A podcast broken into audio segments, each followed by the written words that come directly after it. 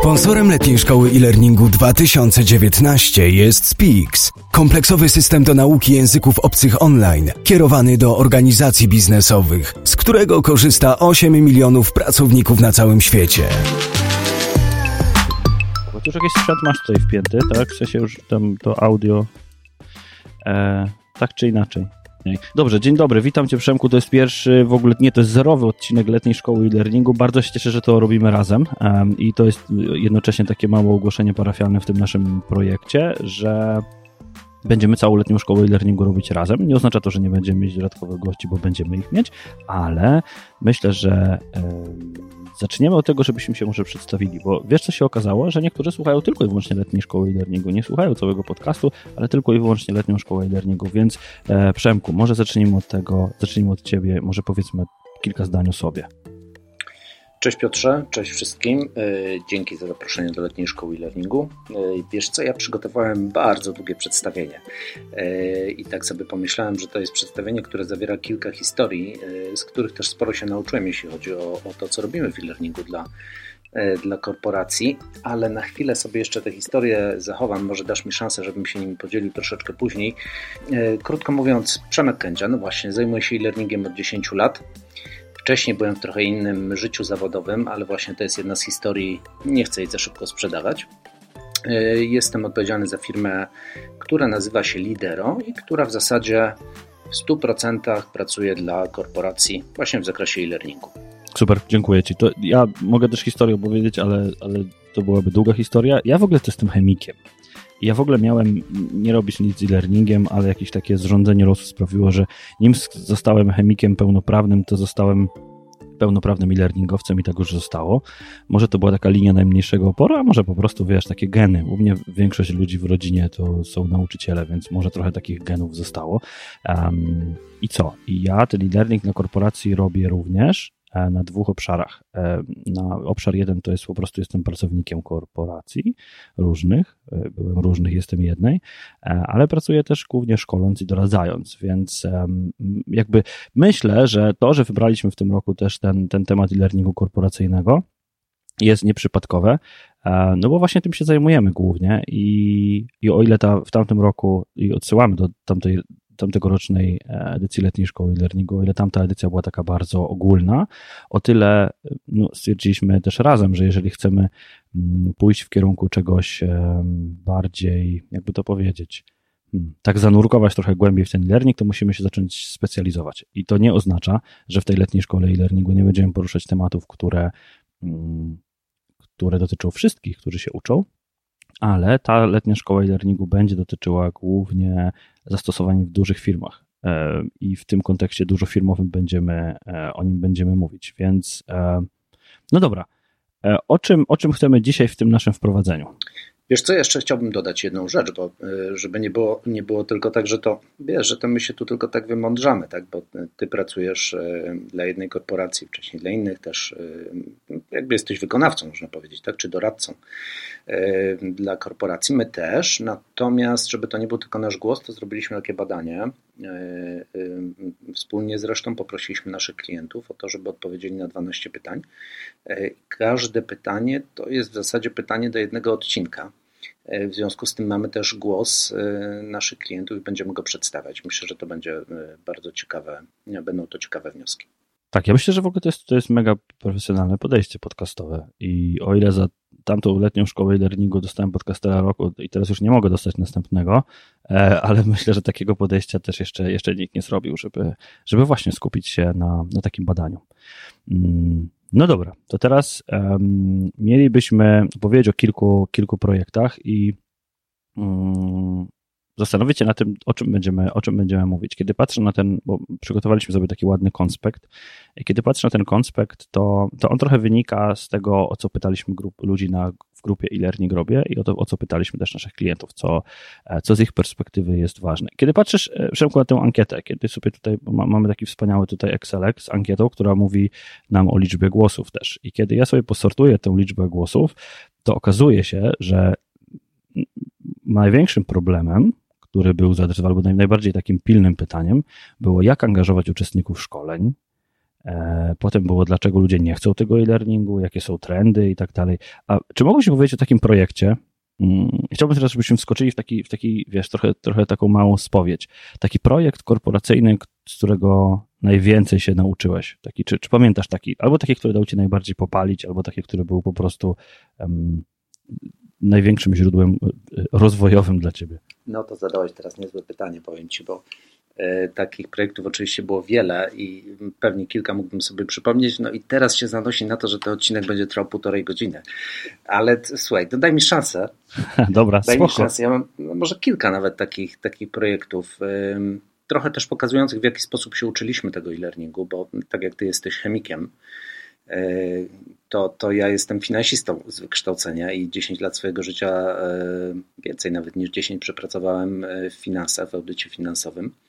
E, no i potem nagle to życie zawodowe e, mocno zmieniłem i zacząłem się uczyć e-learningu. E, gdzieś tam zawsze miałem takie marzenie, żeby zbudować jakiś, jakąś własną firmę, a ten obszar bardzo mi się podobał, on był gdzieś na połączeniu takich trzech rzeczy, trzech obszarów, które mnie interesowały, czyli po pierwsze praca dla korporacji, no bo zawsze to robiłem od, od początku swojego życia biznesowego, zawodowego. Drugi to jakieś takie zamiłowanie do gadżetów i i technologii. I trzecia, no to, y, to, to praca dla HR-u, bo gdzieś ten background HR-owy też miałem dość mocny, bo w ostatnim jakby ostatniej fazie swojego poprzedniego życia zawodowego w finansach dość mocno zarządzałem zespołem i rozbudowywałem zespół. No i tak się gdzieś tam narodził ten e-learning. No i to, to pierwszy rok to był taki rok y, nauki, bardzo intensywnej nauki, po prostu siedziałem cały czas w internecie i E, szukałem, uczyłem się ze wszystkich możliwych źródeł.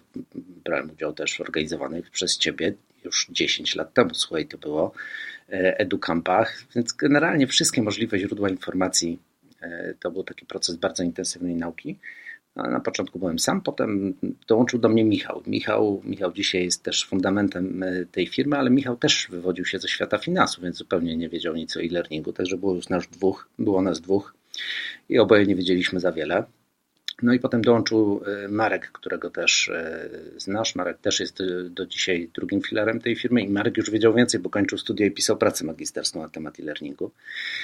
No i historia jest taka, słuchaj, że na pierwszego klienta w trójkę już pracowaliśmy kolejne pół roku. Ucząc się po prostu ze spotkania na spotkanie i ze źródła na źródło.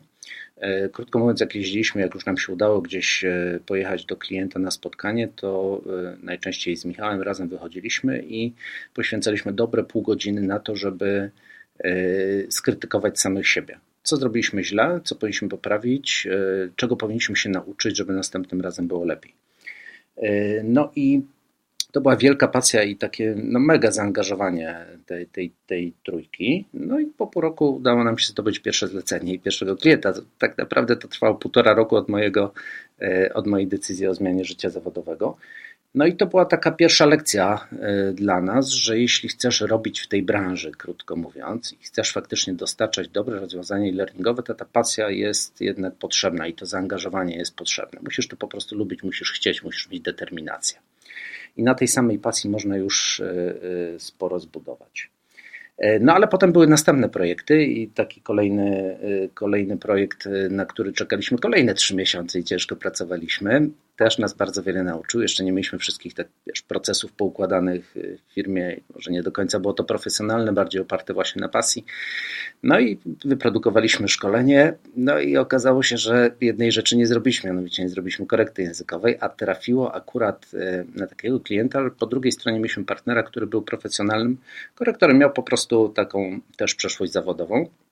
No i e, jak dostaliśmy feedback, no to e, nie wiedzieliśmy, e, gdzie się schować, bo to były przycinki, sieroty i tak dalej. No i to, to nas nauczyło drugiej rzeczy, że w takim e-learningu korporacyjnym, to zresztą generalnie w każdej branży, ale szczególnie jeśli pracujesz dla, dla dużych korporacji, bardzo ważny jest profesjonalizm rozumiany jako dbałość o szczegóły. Każdy przecinek, każda sierota się liczy, bo potem jak użytkownik ma do czynienia z takim szkoleniem e-learningowym, czy z jakimkolwiek innym e, częścią systemu e-learningowego, to on buduje sobie jakoś zaufanie do tego i bardzo łatwo jest to zaufanie zniszczyć poprzez mały błąd. Tak? Mały błąd świadczy po prostu o niedbałości. Jeżeli ktoś nie zadbał o drobiazgi, to możliwe, że nie zadbał też o cały, przekaz, metodykę i, i samo szkolenie. No więc to była taka, myślę, druga lekcja. Chcesz jeszcze mhm. trzeciej? Mhm. Wiesz co, chciałbym tutaj, będę chciał zaraz trzecią, ale powiem ci, że to ten, ten błąd taki nie, nieuważności, myślę, że taki błąd popełnił każdy, kto działa w e-learningu, wiesz, każdy, kto dostarcza czegoś klientu, klientowi, to, to jest błąd nieuważności, w sensie, ok, zrobiłem copy-paste z materiałów klienta, jak tam były literówki, to w kursie też będą literówki, to nie? I to się, to, to się wydaje, wiesz, to się wydaje tak, jak, jak mówimy o tym, to się wydaje, nie, nie, jak to można tak zrobić, jak, jak to w ogóle coś tak, do czegoś takiego można doprowadzić. Można, i myślę, że to się zdarzyło każdej firmie e-learningowej. Nie znam firmy e-learningowej, której by się to nie zdarzyło. Czyli po prostu nie zadbaliśmy o szczegóły, poszło. I potem trzeba to poprawiać, a potem człowiek nie lubi poprawiać. I to, to jest jedna rzecz, ale to się łączy bardzo, bardzo mocno z czymś, co ja też będę chciał gdzieś tam zaadresować w dalszej części, a mianowicie z niedoszacowaniem finansowym projektów. Bo wiesz, taka korekta językowa to jakby nie muszę ci mówić, ale ona kosztuje, no nie? Ona kosztuje czasami sporo, i myślę, że w wielu wypadkach to jest kwestia niedoszacowania, że po prostu nie doszacowujemy projektów na samym początku, które robimy, ale już Ci oddaję głos, bo Ty mówisz, że jeszcze jeden case. No, powiem Ci, że pewnie miałbym ich jeszcze tutaj dziesiątki, bo tych, tych case'ów było mnóstwo, ale też przypomina mi się taka historia, może to aż trochę wstyd się przyznawać, wiesz, tak, y, y, tak publicznie o takiej historii, ale z drugiej strony one ale wiesz, letnia szkoła e-learningu, tutaj ludzie siedzą, wiesz, Luzik, drinki, palemki, leżaczki. No, no właśnie. No to trochę spowiedzi może być w takim razie. Historia jest słuchaj taka. Jechaliśmy też zresztą z Michałem gdzieś do, na spotkanie z klientem do Warszawy. Siedzimy w pociągu. E, jest tam godzina, nie wiem, 7.30 rano i nagle telefon od klienta. E, a to już mieliśmy chyba drugiego albo trzeciego naszego klienta, e, któremu dostarczyliśmy naszą platformę. No i telefon od klienta, że platforma nie działa. Hmm, no jak? Platforma nie działa. No dobra, no to robimy dochodzenie, co się dzieje. Wchodzimy w pociągu, faktycznie nie działa. No i telefon jeden, telefon drugi, telefon do naszego dostawcy, y, który opiekował się wówczas y, serwerami. No i kolega mówi: Słuchajcie, domeny nie opłaciliście. Y, no i no wiesz, no wszystko nam opadło, że tak powiem, w tym pociągu, no bo taki błąd zdarzył się podobno Google'owi niedawno i przez jakąś tam chwilę domena Google.com była w, w rękach obcych, że tak powiem. No więc może się zdarzyć też i nam. No ale też nas to, e, to, to była taka kolejna lekcja, że to, co jest e, ważne w e-learningu korporacyjnym, to żeby on w ogóle działał. To może jest banalne, ale nie ma nic bardziej zniechęcającego dla użytkowników, dla uczestników szkoleń, e-learningowych, jak system, do którego nie mogą się zalogować, albo jak się logują nie działa, albo jak muszą czekać, żeby się uruchomiło przez 15 e, minut i tak dalej, i tak dalej. To jest coś, co może po prostu na trwałe e, zniechęcić uczestników.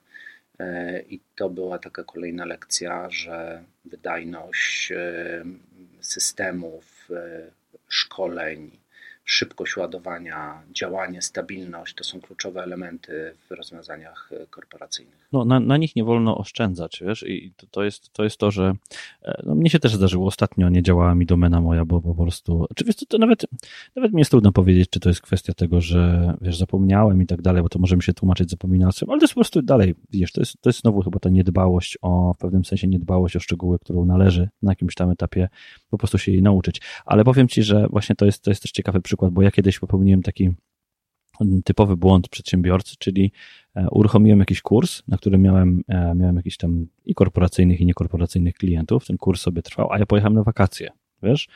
I, i pamiętam jak dzisiaj ląduję na lotnisku um, i dzwoni telefon za telefonem, że platforma nie działa, platforma nie działa, platforma nie działa, SMS-y, to, tamto, siamto, no, nie, no po prostu leży, ale wiesz, nie ma dostępu w ogóle, no nie? i wtedy kupiłem najdroższy internet chyba w życiu, bo to zobaczyłem 20 euro za godzinę, bo czekałem na jakieś tam bagaże i no i to była, wiesz, jakby to była znowu ta lekcja, która, która sprawiła, że um, jakby daję, daję sobie prawo do tego, żeby o tym e-learningu w takim kontekście um, korporacyjnym um, po prostu mówić, no nie? I, i, I, myślę, że myślę, że to będzie, to będzie też ciekawa, ciekawa przygoda dla nas. Te, te kilkanaście odcinków, które zaplanowaliśmy. No bo, e, bo teraz tak, jakby mówimy oczywiście o tym, że mm, będziemy się spotykać znowu dwa razy w tygodniu rano. Czy rano wypuszczamy odcinek, kiedy sobie będziecie go słuchać, to, to spoko. E, I będziemy odpowiadać na pytania, które się pojawiły, ale je sprytnie, e, sprytnie je Przemku pogrupowałeś tutaj. Jakbyś mógł przejść przez te tematy, to myślę, że, że byłoby, byłoby fajnie. W sensie e, przez tę zaproponowaną listę, przez ten konspekt, bo to będzie, e, to będzie też fajna, fajna może zajawka na to, o czym będziemy mówić i, i na czym się będziemy skupiać. Jasne, wiesz co, z przyjemnością. Tych tematów mamy w tej chwili 13, taka ładna liczba nam wyszła. I one są e, wynikiem tej ankiety, którą ty przeprowadziłeś też na grupie e-learning robię. Tam tych tematów się pojawiło dużo więcej, było ich powyżej 20. Natomiast e, zebraliśmy je, e, niektóre z nich połączyliśmy, były do siebie zbliżone, no i w ten sposób właśnie powstała ta trzynastka de facto 12, 13 dodaliśmy od siebie gdzieś tam na zakończenie. E, pierwszy, pierwszy z nich to jest temat, jak angażować uczestników e, w szkolenia e-learningowe. Ja sobie tutaj przyglądam właśnie, e, mam przed sobą już wyniki tych badań ankietowych, które zrobiliśmy wśród korporacji, także właśnie się po nich poruszam i mam już tą przyjemność bycia pierwszym, który je właśnie w tej chwili ogląda. No i powiem Wam, że niektóre są zaskakujące. Część z nich oczywiście byłem w stanie przewidzieć, ale niektóre są zaskakujące. zaskakujące. No i drugie pytanie, czy do drugiego tematu, który mamy na tej liście, to jest dlaczego ludzie w korporacjach nie chcą korzystać ze szkoleń learningowych. No tutaj na przykład jest, e, są bardzo ciekawe odpowiedzi, które muszę powiedzieć dla mnie trochę były kontrintuicyjne. No w pierwszym odcinku będzie. Tak, tak, będzie w pierwszym albo w drugim. No dobrze, no zobaczymy. No zobaczymy. Drugim e, chyba, no. Może faktycznie. Mhm. E, trzeci mamy, czy Twoja organizacja wy, e, wykorzystuje. Mm, a, z jakich elementów e-learningu, czy z jakich hmm, nowych trendów korzystają korporacje? I to jest odcinek o trendach. I tutaj mm, mm, troszeczkę poszliśmy w takim kierunku, żeby odczarować trendy, no bo wiadomo, tych, tych trendów się pojawia, tych publikacji na temat trendów się pojawia bardzo dużo, szczególnie gdzieś tam pod koniec roku, natomiast chcieliśmy sprawdzić... Tak, takie słowa kluczowe, nie? Tak, słowa, no. Takie, że, że jeżeli idziesz, idziesz do klienta na spotkanie, to musisz powiedzieć e, to, to, to i to, bo inaczej, bo inne firmy też to robią, nie? Tak jest, tak jest. No i że musisz być... Innowacyjny prawda, e, w tej branży i niekoniecznie wcale ten wynik badań, które mam przed sobą, to potwierdza, ale to też przy okazji któregoś e, z odcinków ujawnimy i to było też dla mnie pewne zaskoczenie. W każdym razie e, chcieliśmy sprawdzić, na ile trendy mają odzwierciedlenie w rzeczywistości, czyli które z nich faktycznie są w firmach stosowane. No i te wyniki też mamy przed sobą. Kolejny odcinek to jest kolejny odcinek, kolejny odcinek. A, ok, zrobić samemu czy zlecić na zewnątrz, e, bo tutaj różne rozwiązania funkcjonują w korporacjach. Niektóre korporacje mają swoje zespoły learningowe, niektóre e, korzystają z dostawców zewnętrznych, no i trochę chcielibyśmy e, porozważać, kiedy warto tak, a kiedy warto tak i też mamy ciekawe wyniki badania. Co mamy dalej? Najważniejsze problemy w e-learningu korporacyjnym no, to będzie taki, myślę, dość e, taka synteza, że tak powiem, tego, co, co, się, e, co się dzieje w korporacjach z e-learningiem. Też ciekawe wyniki badania. E, co jest ważne we współpracy z dostawcami szkoleń e-learningowych, jak, mm, co tu mamy dalej? Poczekaj, bo się w notatkach pogubiłem mi się strony pomyliły, nie? Co, tak, tak. Wiesz co, ma, mamy, mamy co jest tak. ważne we współpracy z dostawcami, a potem mamy jak, jak projektować i, e, jak przeżyć szkolenia obowiązkowe, ale wiesz co, o, to myślę, o, że z tymi, z tymi Już się odnalazłem. Tak, z tak tymi jest. E, dostawcami to jest, to jest ciekawe, bo u mnie, u mnie życiowo występuje taki dualizm, nie? że ja z jednej strony e, z jednej strony czasami dostarczam jakieś rozwiązanie, a z drugiej strony mm, czasami jestem odbiorcą jakichś rozwiązań i je zamawiam. I to jest taka perspektywa, która powoduje, że e, jestem bardzo trudnym, trudnym, trudnym kupującym, no nie? Bo, bo wiesz, na przykład no, czasem się spotykam z jakimiś klientami, czy z jakimiś dostawcami i oni mi opowiadają jakieś tam rzeczy, no nie?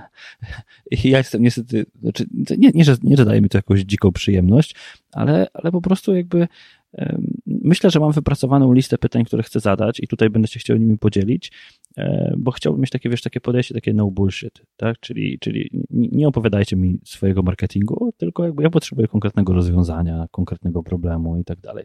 No ale dobra, potem mamy jak projektować i przeżyć szkolenie obowiązkowe. To jest duży temat compliance'owy i już dziś zapraszam ludzi, którzy się tym zajmują um, i już, już będę do nich pisał, żeby, e, żeby się przygotowali, przygotowali swoje treści do tego, bo, bo to jest ogromny temat i nie mówię tylko o BHP i RODO, ale tak jak masz, wiesz, twój finansowy background też audytorski na pewno ci podpowiada całą listę obowiązkowych szkoleń, które są formalnie wymagane, prawda? Tak, potem mamy 8, czyli co znaczy, że szkolenie jest atrakcyjne, tak? Czyli tutaj te wszystkie efekty wow i, i inne rzeczy będziemy, będziemy o, nich, o nich mówić. Tak Dobra, jest. co potem? Co tam mamy dalej? No właśnie, zrobić samemu, czy zlecić na zewnątrz. Zdaje się, że wcześniej o tym powiedziałem, ale okej, okay, za i przeciw, w porządku. E, co dalej? Jak wykorzystać technologie e-learningowe w szkoleniach językowych? To, to jest y, też ciekawa rzecz, że ten, ten rynek e-learningowy, on jest trochę podzielony i też szkolenia językowe to jest taki podrynek, że tak powiem, który się rządzi trochę swoimi prawami. Inne mechanizmy tam działają, inne rozwiązania są dostarczane, inna grupa dostawców zupełnie, także y, trochę odrębny temat, dlatego pomyśleliśmy, że warto, warto odrębnie o tym pogadać. No to jest to, to jest ciekawe, bo to z jednej strony to jest taka wiesz, część wspólna e-learningu i dość, dość duża ta część, część tego, tego e-learningu, ale y, z drugiej strony no, kwestia jest taka, że mm, no, tutaj one są bardzo blisko, powiedzmy, bardzo blisko rzeczy, hmm, jakby to powiedzieć, to jest bardzo blisko rzeczy takich wydawniczych też, no nie? Bo to się, to, myślę, że te szkolenia językowe gdzieś tam się z tych wydawniczych rzeczy też wzięły i, i myślę, że tutaj jest, e, tutaj jest no, ciekawa taka odnoga, no nie? No dobra. Um. Jakie ostatnie trzy tematy? Ostatnie trzy, co mamy, to mamy tak. E-learning w korporacji. Jakie elementy i jakie połączyć w całość? Ja tutaj też zauważyłem, że to jest duże wyzwanie, jeśli chodzi o, o, o naszych klientów. Jak te wszystkie klocki poskładać, tak? jak one ze sobą powinny być połączone, bo e-learning nie jedno ma imię. To są bardzo różnego, różne, e, różne technologie, różne formy. E, no jak to ubrać po prostu, zebrać w całość i połączyć? Może nie od strony technicznej, ale od takiej strony logicznej i od strony skuteczności szkoleń. E, przedostatni temat, który mamy, to jak organizować pracę zespołów e-learningowych.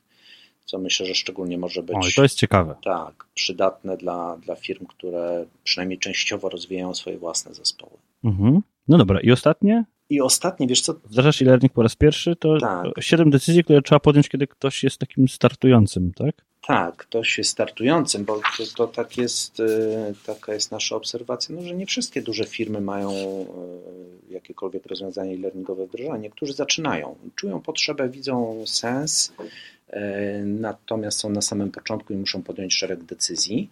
I to jest trochę właśnie taka inspiracja z różnych spotkań z naszymi klientami, kiedy widzimy, o co oni pytają nas na spotkaniach, czyli jakie decyzje muszą podjąć, żeby zacząć. Okej, okay. no to myślę, że to będzie taki, takie bardzo fajne podsumowanie tego, tego, co tu nam w tych odcinkach wyjdzie.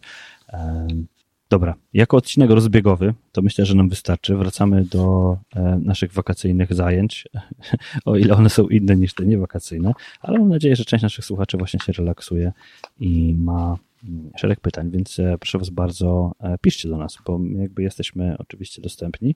E, maile będą pod odcinkiem, więc piszcie do nas, piszcie do nas, co uważacie o takiej nowej formie, takiej luźnej pogadanki i jakie macie pytania. W kolejnym odcinku będziemy mówić o tym, w jaki sposób angażować uczestników szkoleń w korporacji. A tymczasem do brzegu, do brzegu. Do brzegu. Dobrze, dziękuję Ci Przemku za dzisiaj i e, słyszymy się. Mm, myślę, że wypuścimy to w jakiś wtorek, więc słyszymy się pewnie w czwartek. Tak to będzie. Wiesz, muszę się wczuć w ten klimat taki, że wypuszczamy to w jakieś dni, no nie? Kolejne. Dzięki również, Piotr. Spoko, to dzięki, dzięki, dzięki i do usłyszenia w czwartek.